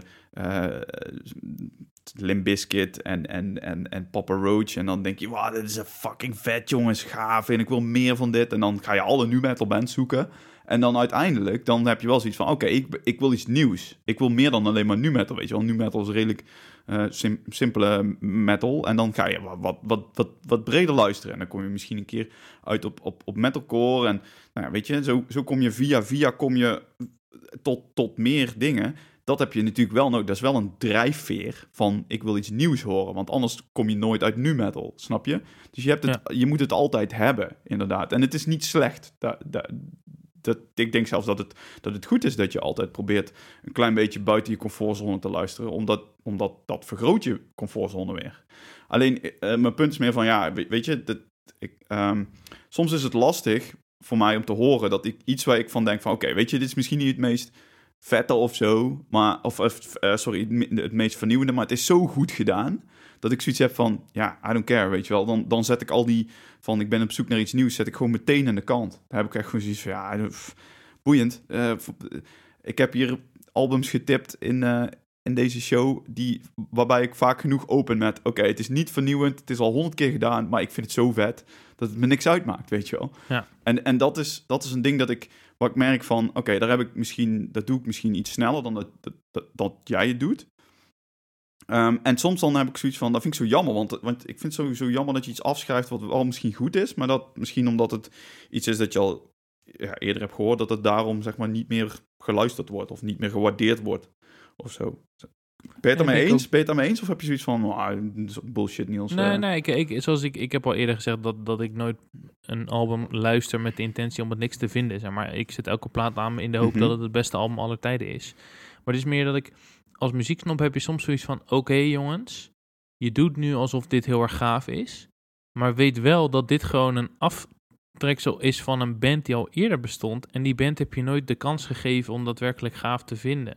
Dus toen op Roadburn, toen bijvoorbeeld, uh, hoe heet die band uit IJsland? Ja, Misère, heel erg ja, vet was. Ja. Nou ja, iedereen doet, wow, Second Coming of Jesus, drie shows in een weekend, wow, zo fucking vet. En jij staat daarbij te kijken en het jaar daarvoor was er bij Integrity, nou ja, zo'n beetje hè, de godfathers van, van de metallic hardcore, stond er gewoon een lege zaal. Dat je denkt van jongens, dit is gewoon Integrity. Waarom ga je niet naar Integrity en wel naar Unimisair? En waarom doe je alsof dit gaaf en vernieuwend is, als je gewoon beter je geschiedenislesje had moeten nemen en weten dat Integrity gewoon zoveel meer pedigree en, en, en al zoveel meer consistentie en verdienst heeft geleverd aan, aan, aan de scene. Dus ik vind vaak, ben ik heel erg beetje sceptisch daarover ja. als mensen zeggen, oh ja, het is niet vernieuwend, maar het is wel gaaf. Dat je denkt van, ja, oké, okay, het is niet vernieuwend, maar waarom, waarom luister je dan niet naar de muziek waar dit een slap aftreksel van is toen het wel vernieuwend was? Ja, nou, waarom, luister, waarom ga je niet terug in de historie om daadwerkelijk die, die, die plaat van Integrity te luisteren, om te weten dat dat echt gaaf is. En dat Unimisaire, waar je nu fan van bent, dat eigenlijk gewoon niet het fan zijn waard is. Ja, maar dit is dus, ja, dit klinkt zo snobberig, weet je nou nee, nee, maar ik vind mensen hebben geen respect. En dat zie je heel erg veel in hip-hop. Zie je dat ook veel. Dan heb je altijd zo'n een, een spanning tussen old head hip-hop en new head hip-hop. En, en de new jacks, die jonge gasten, die hebben een eigen trap hip-hop, bla bla, blink blink, boeiend. En die hebben geen respect voor de allereerste hip-hop generatie, zeg maar, die, die heel erg lyrical was, bijvoorbeeld. En daar heb je altijd zo'n discussie van de oude gasten die van die echt van die hip-hop met inhoud en, sociale kritiek. En de nieuwe hip-hop die veel meer gaat over drugsgebruik en bitches en geld en zo. En hier heb ik ook zoiets van de neiging om te zeggen van oké, leuk, je mag dit nieuwe ding gaaf vinden. Maar kijk wel even naar de context van waar komt deze band vandaan. En voordat je zegt dat dit heel erg gaaf of vernieuwend of cool is, denk nog even goed na. Want als je gewoon je geschiedenis had geweten, ja, okay. dan had je geweten dat dit ja, gewoon niet ja, boeiend is, man. Oké, ik snap je punt. Maar dat neemt toch niks weg van de kwaliteit van zo'n band? Ik bedoel, je zegt Jawel, dat... want is okay. context is belangrijk. Ja, sure. Maar dat neemt toch niet weg dat zo'n band nog steeds gewoon goed kan zijn? Toch? Ik bedoel... Zo'n okay. band klinkt goed als je nog nooit naar Integrity geluisterd hebt. Ja, maar dan boeit het toch niet? Dan maakt het toch maar niet hoe kan het? Hoe kan je jezelf serieus nemen als je nog nooit naar Integrity geluisterd hebt? Ja, dat is misschien ook een beetje het punt. Maar dat maakt dan toch niet uit. Kijk, het, punt is toch dat je dan uiteindelijk luistert naar iets wat je vet vindt. Dat wil toch niet zeggen dat het... Dat het ik bedoel, heel eerlijk, hè? Jij hebt de misère compleet afgeschreven, weet je wel. Je hebt heel, heel kut. En um, ik moet zeggen dat het debuutalbum wat ik uiteindelijk heb geluisterd, dat ik dacht, nou, ik ben niet zo onder de indruk als dat ik was van die show op uh, Roadburn. Want ik vond die show echt heel vet. Maar dat neemt toch nog steeds niet weg dat mensen dat gewoon tering vet kunnen vinden. Ik bedoel, het is... Sure, misschien dat mensen nooit naar Integrity hebben geluisterd en daarom niet de context hebben die jij wel hebt. Maar dat, dat neemt toch nog steeds niet weg dat die muziek gewoon nog steeds super vet kan zijn. Dan hoef je toch niet per se Integrity voor hebben, te hebben geluisterd. Nou ja, ik vind meer het jammer dan dat de bands die daadwerkelijk ervoor hebben gezorgd dat een band als Illumisair kan bestaan, niet de shine krijgen en de waardering. Dat snap ik. maar dat wil niet zeggen dat die band die het uiteindelijk ook doet, dat die dan slecht is, toch? De band is niet slecht. Of het ja, is meer wat. Ik, ik, ik kijk meer, zoals ik zeg, de echte snop kijkt niet op de andere snop. Zeg, oké jongens, jullie vinden die zelf heel gaaf. Jullie hebben hier een nieuwe ontdekking. En wauw, geweldig. Hè? Als je er niet bij was, heb je echt wat gemist. Weet je, die, die allure. En dan zeg je, nee, jij hebt al 30 jaar lang aan een hardcore historie gemist. Je bent gewoon een fucking pleb, man. Je had gewoon moeten weten dat dit een slap aftreksel is van Integrity. Doe de volgende keer je huiswerk. En ga de volgende keer gewoon wel even naar Integrity of Roadburn. Want dat is een, echt een band die, die de aandacht verdient. Oké. Dus het is niet per se dat ik het de band kwalijk neem. Ik vind het juist, ik heb heel veel waardering voor die band, dat ze zoveel mensen voor de, in, de, in de zij kunnen nemen. Dat, dat ze kunnen doen alsof ze echt daadwerkelijk helemaal geweldig zijn. Zo, oh kijk jongens, we zijn iets nieuws. We doen drie shows en Ja. super vet. Ja, hey, je, je kan ermee wegkomen. Want de mensen in, in de zaal weten waarschijnlijk dus klaarblijkelijk niet dat Integrity ook gewoon een super vette band is. Nou, en dat is hun verantwoordelijkheid als bands om daar, of als, als, als aanwezige, om als, ja, als je dan claimt dat Unimisair een vette band is, dan, ja, dan doe je dat gewoon met te weinig informatie. Ja. Oké, nou, fair enough. Nou, dan wil ik... Dan, dan, Oké, dan... Ja? Nou, ik, en, en daarmee wil ik zeggen, wat je terugkrijgt voor het opofferen van de jeugdig enthousiasme, de, de, de kriebels in je buik, van de allereerste keer dat ik naar Slipknot ging, Mhm. die heb ik niet meer. En dat is soms jammer, want je mist een beetje die onbevangenheid. Dat je, oh, ik ben helemaal onder de indruk van iets helemaal... Limp Bizkit voor de eerste keer. Wow, dit is zo anders en zo rebels of zo. En wat je terugkrijgt voor dat snobisme is een heel genuanceerde return. Zeg maar, wat je terugkrijgt ervoor is dat je relaties ziet, nuances die je anders niet zou opmerken. Dus je hebt een soort van... Die diepere kennis zorgt ervoor dat je alles op een hele andere manier kan waarderen. Dus daarom zeg ik ook, als je die hardcore historie kent, kijk je op een hele andere manier naar Unimisair dan als je niet die hardcore historie kent. Ja, en dat ja. bepaalt ook dat je juist een hele andere band, die misschien juist alweer, misschien Orchid nadoet of zo, een van de screamo violence band die al jaren niet meer bestaat. En als je een band dat geluid opeens terug bent, denk je, wow, deze band die brengt echt een ondergewaardeerde band weer terug naar de limelight. En dat zorgt ervoor dat deze muziek weer echt, dat mensen ook nog daadwerkelijk dat Orchid gaan ontdekken en zo. Dus het is, je krijgt terug voor dat, voor dat pessimisme krijg je juist ook weer nuances en daar krijg je ook weer plezier uit. Wat je anders niet had gehad als je niet zo'n snop was geweest. Ja, ja oké. Maar dan, dan stel ik je de vraag, kun je dan nog wel genieten van, van sommige dingen? Want kijk, je wordt, je wordt kritischer, dus je kunt steeds... Ik heb het gevoel dat je dan steeds minder kunt vi- vinden op een gegeven moment dat je kan bekoren. Omdat je alles heb je al een keer gehoord, dus het, het, ma- het maakt je niet meer enthousiast. En weet je wel, eh, eh, ik, ik persoonlijk, kijk, ik heb, ik heb daar misschien niet zo... Nou, ik denk dat ik daar een beetje eh, in het midden zit. Soms dan denk ik bij mezelf, ja, oké, weet je wel... zo sta ik er zo in zoals jij erin stond bij Unimisaire. En soms denk ik bij mezelf, ja, weet je, I don't care. Ik vind het allemaal niet boeiend dat het al een keer eerder is gedaan. Als het vet is, is het vet. Ik denk wel bij mezelf soms wel eens van, oké, ik betrap mezelf erop dat ik soms dingen, eh, ja, moet zeggen, makkelijker afschrijf of zo. Dus ik kan niet meer zoveel genieten als dat ik dat eerst kon, weet je wel. Als je, als je drie keer per week naar een show gaat, kun je overduidelijk, ehm, ben je overduidelijk eh, minder snel onder de indruk dan wanneer je één keer in de zes maanden naar een show gaat. Dus dat is natuurlijk een logisch iets, maar dan, dan vraag ik me af, inmiddels zeg maar is, is die, die snobberie, hè? Je, je hebt het van, nou, ik voel me wel een snob, ik ook wel een klein beetje. Heb je dan zoiets van, ik kan nog echt wel genieten en soms ook gewoon onbevangen genieten van dingen? Ja, soms wel. Juist ook omdat je dan daadwerkelijk wat meer overtuiging kan hebben wanneer je echt iets nieuws ontdekt. Dat je zegt, oké, ik heb al die snobberij achter me. Ik heb zoveel geluisterd naar dit, dit en dit. En oh, het, lijkt misschien alsof die, die echte vernieuwing niet meer bestaat. En dan komt er ineens een band die dat weer doet. Ja. Of Ja, die, ja. die iets, iets, iets en net even op een andere manier dat presenteert. En dan denk je, dit is echt heel vet. Terwijl iemand anders die niet die context heeft, die zou zeggen, ja, het is, die zou het op dezelfde manier inschatten als Unimisair. Maar ik zou, ik heb juist dan weer heel erg veel liefde voor die andere band in plaats van Unimisair, juist omdat ze juist iets heel erg nieuws doen. Dus het zorgt er juist ook voor dat je op bepaalde momenten veel enthousiaster kan zijn dan iemand die er niet zo dik in zit. Ja, oké, fair enough. Daar, daar, kan ik, daar kan ik wel een beetje in komen, inderdaad. Maar ik denk wel dat het sporadischer is. Ja, tuurlijk, het, het, het, wordt- het wordt steeds minder. Ja, En dat is gewoon, dat is een waarheid. Maar dat is, dat is wat het is. Maar het, het, komt, het wordt nooit zoveel minder tot op het punt dat je gewoon...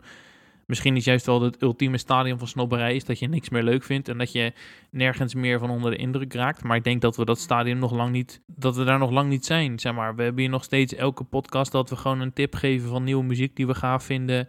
En concerttips en zo. We hebben, het- ja, een band Ja, als ja, The Armed tuurlijk, is dan tuurlijk. bijvoorbeeld zo'n band, je, door je komt, zeg maar, als je niks weet over metalcore en hardcore en whatever en punk, dan is The Armed klinkt gewoon als een vreemde, onbenaderbare band. Maar als je weet wat er allemaal achter die band zit en, en wie er allemaal bij betrokken zijn en of het nou wel of niet die band is en dat, ja, wie dat, dat album opnemen en dat zorgt er juist voor, dankzij je snobberij kan je daar juist extra veel waardering voor hebben. En dat zorgt gewoon voor, ook gewoon voor magie. Ja, oké, fair enough. Dat, dat, dat, daar ben ik het wel mee eens, inderdaad. Oké, nou, eh, weet je, anders eh, voor, onze luisteraars, laat eens weten hoe jullie hierin staan. Eh, s- schrijf eens even een bericht op onze Facebookpagina of zo, of laat een eh, comment achter op onze Instagram-account. Ehm, ik ben benieuwd wat, wat, wat jullie, hoe, jullie luisteren naar, naar, naar muziek. Zijn jullie altijd op zoek naar iets nieuws? Of is het meer zo van, nou ja, weet je wel, ik luister gewoon, ik luister alleen maar True Black. Het moet True Black zijn. Weet je wel, dat. Ja, maar dat is ook snobberij. Absoluut, dat is echt een van de grootste vormen van snobberij zelfs. Daar heb ik ook nog heel veel over te zeggen, maar dat ga, dat, dat ga ik nou niet doen.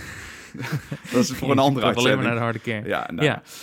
Eh, alright, nou laten we, laten we doorgaan dan. Ehm, Nou, wat, wat even, eh, als laatste en Ja. even een disclaimer helemaal aan het einde. Die had eigenlijk aan het begin moeten zijn. Ja. Als we het hebben over snobberij en zo. Ik ben een snop en jij bent geen snop. Zeg maar, het is... Dat is ook gewoon een beetje tang-in-cheek ergens. Ja. Zo van, ik ben dieper in deze scene dan jij. Of ik heb meer pedigree en ik heb meer geschiedenis. Ik heb meer trivia kennis dan jij. Zeg maar, dit, dit is gewoon onderaan de streep is Osmium gewoon gevuld met, met veel slap gelul. Dus als we zeggen, ja. Ja. wij zijn een snop en ik weet meer dan jij, dan is het niet omdat we daadwerkelijk een superioriteitsgevoel hebben, maar omdat het gewoon leuker is om in die termen de discussie Ja, te hebben dan klopt. daadwerkelijk dat we onszelf zo eh snobistisch vinden. Want zoals ik zei, je bent pas een snop als je andere snobs geen snobs vindt. Dus als jij hier naar luistert en je zegt, deze zelf-proclaimed snobs zijn geen snobs, want ik ben meer een snop dan deze snobs, ja, dan ja, ben je inderdaad ja. een snop en dan hoor je ook gewoon bij de club. Dus eh, welkom. Ja, maar buiten dat ben ik natuurlijk wel in alle opzichten een beter mens dan jij. Goed, door naar de luistertips. Nou ja, begin jij anders maar, hè? Oh ja, wacht, je bent nog even aan het drinken. Even wachten, even wacht ik op, op, op Koningsnop Pim, tot hij klaar is met zijn water. Zijn dure Whole Foods water van eh 5 dollar per flesje. Het water wat hier uit de kraan komt is eh, super vies. Ik heb zelfs gelezen dat het qua waterkwaliteit een van de slechtste is van heel Amerika, hier in Philadelphia. Eh, nou, niet zo erg als eh, Flint, waar ze, wat was het, Mm. ijzer of zo? Wat zat er in dat water? Ja, Lood, lood, nou niet lood in het water, maar het is gewoon, soms dan doe ik de kraan open en dan komt er een soort van oranje water uit. Als er soort van echt, alsof er nog, ook nog modder tussen zit of zo. Ja. Dus hier hebben ze op de universiteit gefilterd water gratis. kijk. Dus ik heb hier een hele grote waterfles van de University of Pennsylvania. Even mijn eh, status confirmeren. En eh, ja, inderdaad, het is geen Whole Foods water, maar het is, eh, niet, het is geen plebwater. Nee. Wat, wat de plebs drinken. Ik heb hier gefilterd water op mijn werk. Wat ik, ja, het smaakt ook gewoon extra, extra naar water, hè? ja, het is het Het dubbel water. meest pure Kijk, als je, als je, als je, als een watersnop bent zoals ik, en, en zeg maar weet wat, wat de, de weg is van, de, van het water in, in, in de geschiedenis van de mens, dan kan je gewoon extra veel waarderen dat de balans van de mineralen in dit water zijn echt heel goed. Zeg maar, Mooi de, de carbonaatzuren zijn precies on point en in balans. Drink jij, drink jij ook wel eens wel wat van het water? Dat, dat hebben ze ook, ehm, volgens mij hebben ze het hier in Nederland bij de Albert Heijn To Go wel.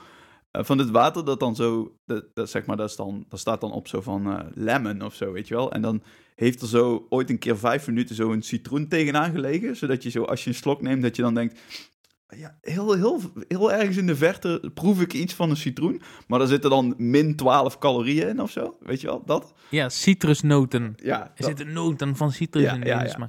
Nee, maar dat vind ik, ik, ik, ik kan heel erg genieten. Van Spa heb je van die ehm nul calorieën dingetjes. Dat zijn inderdaad van die natuurlijke aroma's. En dan een beetje grapefruit erin of zo, met een prikje erbij. Ja. Ja, dat is, dat is toch, is toch lekker?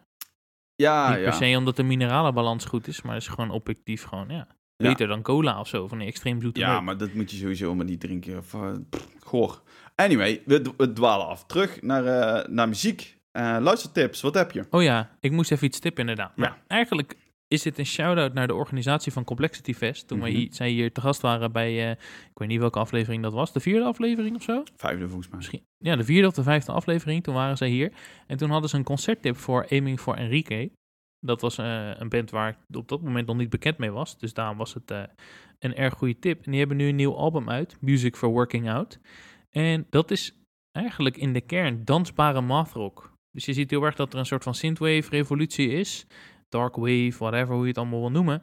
En ja, die, die hype is nu ook een beetje de mathrock ingekomen. Nu is mathrock sowieso niet per se een genre wat heel erg niet zo groot is als, als toen het net begon. Maar dit is hele, ja, zoals ik zei, dansbare mathrock in de geest van bands als You Slut en ADBC Shank. En dat zijn, naar mijn inzicht, ondergewaardeerde bands die vergeten zijn. En nu is er een band die dat geluid weer een beetje opnieuw leven inblaast. En daarom ben ik eh, zeer enthousiast. En de niet-snop die niet wist van ADBC Shank en You Slut, luistert misschien naar deze plaat en die zegt... Ja, ik kan er niet zoveel mee. Of waarom is dit nou boeiend? Dan zeg ik, oké, dit is boeiend. Want als je je huiswerk hebt gedaan, weet je dat dit gewoon een goede revival is. Met een leuk nieuw sausje erin. Van die oude mathrock. Dus dat is gewoon lekker, man. Aiming for Enrique Music for Working Out. Ik had verwacht dat het uh, album zou heten This is the fourth album by the band named Adebisi Shank. Kijk, dan heb je je huiswerk gedaan. Juist.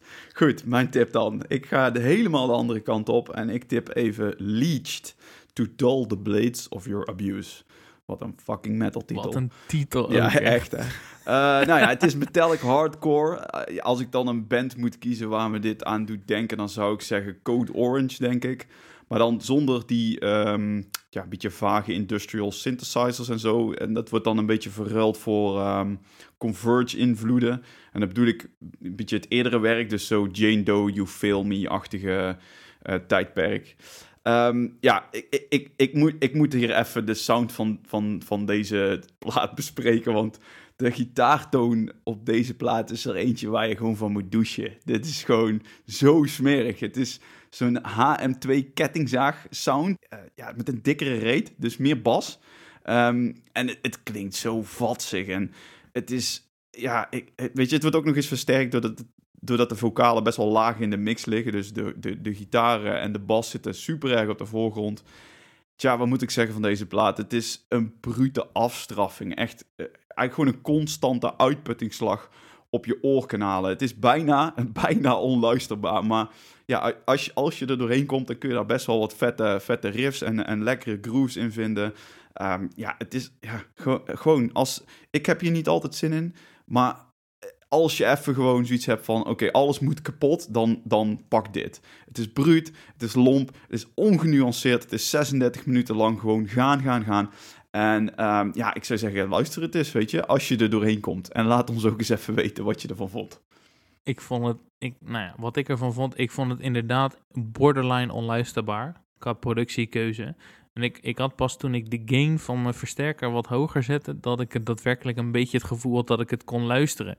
Dus zoals je al zegt, die balans van hoe het is opgenomen en de productiekeuze ja. is, is, is redelijk onconventioneel in de zin dat, dat, je de zang nauwelijks hoort en daardoor luister je ernaar en denk je, hé, hey, volgens mij klopt hier iets niet. Zit mijn microfoon wel goed in, in, mijn, in, mijn, in mijn versterker geplukt, zeg maar. ja. Dus het is, het is een beetje zoals die hele oude oldschool black metal, zo van, we nemen het op een ontoegankelijke manier op, zodat alleen maar de true gangsters er nog naar daadwerkelijk naar willen luisteren. Ja. En um, ja, het is wel grappig inderdaad. Dat die, die, die, die Code Orange-achtige metalcore wordt die echt helemaal naar het extreme geduwd in een onluisterbare hoek. Ja. En uh, ja, goede tip. Ja. Sta erachter. Ik, ik moet zeggen dat, dat de eerste keer heb ik het afgezet en de tweede keer kwam ik tot het ene laatste nummer en inmiddels heb ik de plaat een paar keer helemaal geluisterd. Uh, ja, inderdaad, wat je zegt klopt. Het is, het is het is echt een, een, een lawine die over je heen komt. Telkens, constant. Je wordt constant weer bam, bam, bam. Weet je wel, ze blijven maar gaan. Dus uh, ja, nou ja, vet. Voor, voor op momenten heel vet. Yes. Alright, concerttips. Wat heb je? Nou ja, ik heb natuurlijk weer een tip uit, uh, uit Philadelphia. Want ik heb, zoals ik altijd al zeg, geen idee wat er speelt in Nederland. Ik wil niet eens weten. Het feit dat jou, jouw tip, bijvoorbeeld. Ja. Jij gaat zo meteen een hele vette tip doen. Mm -hmm. En ik vind het gewoon jammer dat ik daar niet bij ben. Uh, omdat ik hier in Philadelphia zit. Dus Ja. ik wil niet eens weten wat ik allemaal mis. Daar word ik alleen maar verdrietig van. Ja. Waar ik niet verdrietig van word, is het feit dat op zondag 16 februari in de Theater of Living Arts, een van de meer up-brand concertzalen, wa- wat een beetje voldoet aan ons Nederlandse beeld van een concertzaal. Dus het is echt gewoon een venue. Eh, daar speelt American Nightmare met Ceremony. American Nightmare was vroeger Give Up the Ghost.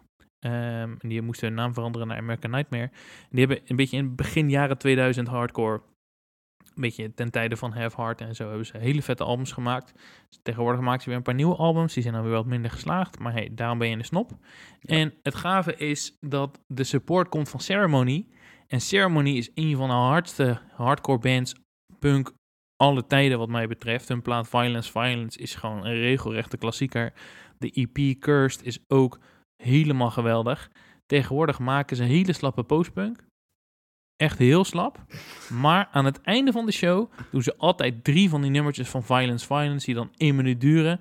En dan gaat de tent helemaal kapot. Dus ja, dat is gewoon... Ja, nou, ik kijk gewoon uit naar die, eh, die drie, drie minuten dat ze die drie nummertjes doen. En ik vind stiekem die postpunk is wel lachen. Het is Ja. wel leuk. Maar het is wel een van de meest polariserende bands binnen de hardcore scene, omdat ze zo'n zo'n shift hebben gemaakt. Zo Ja. de band die dan zegt, ja, we hebben geen zin meer om zo te schreeuwen in de microfoon. En zo, ja, oké. Verander dan gewoon je, de naam van je band. En eh, Ja. speel dan ook niet meer die oude shit. Maar oké, aan de andere kant ben ik wel blij dat ze die oude shit nog steeds spelen. Dus eh, dat wordt gewoon vet in de Theater of Living Arts. Alright, cool. Ehm, dat is op zondag 16 februari, zie ik hier. Ja, Eh, ik ga de dag ervoor ga ik naar Complexity Fest in Haarlem. Daar hebben we het al een keer eerder over gehad. huilon dat ik dat dan ook weer mis. Ja, dat is, eh, dat is wel vet. Eh, helaas, echt super jammer. Op het laatste moment heeft eh, Dragged into Sunlight moeten afzeggen. En, maar daarvoor krijgen we Lichgate terug, dus dat is wel cool. Ehm, Ja, zeker, toffe band. Ja, eh, dus ja, da- daar, gaan we, daar gaan we natuurlijk eh, heen met, met zwaar metalen. En ik eh, ga daar Vijf man sterk, hè? Ja, ik ga met twee andere redacteuren en twee fotografen daarheen. En daar krijg je een uitgebreid verslag van. En wellicht dat ik hier over drie weken, als wij de volgende aflevering opnemen, nog eventjes bij stil ga staan. Maar dat, dat zien we dan wel.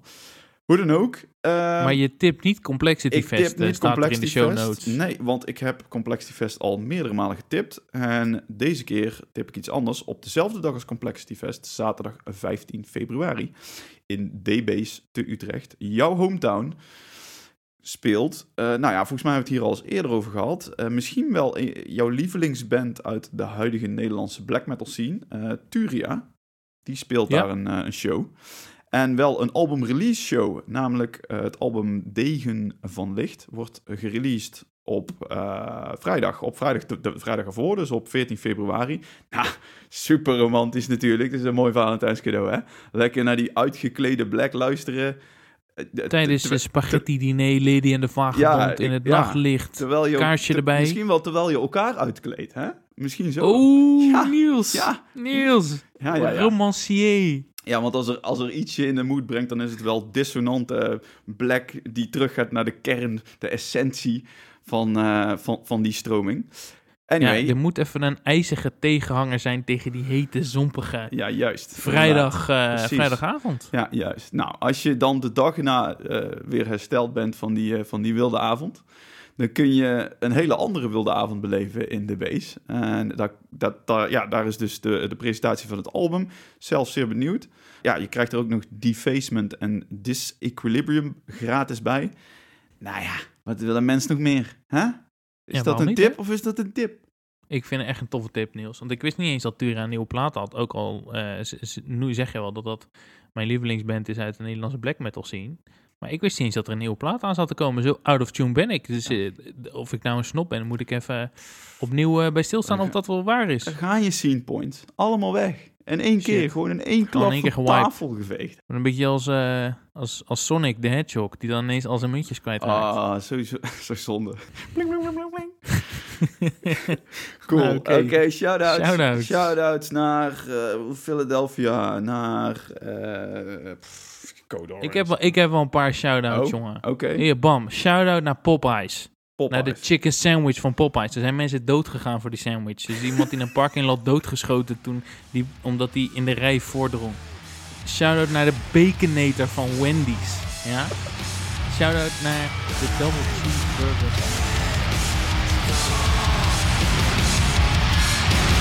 En shout-out naar de Philly cheesesteak met kaassaus. Eh, Heb je me hier een foto van gestuurd? Die zag er goor uit. Ja. Oké.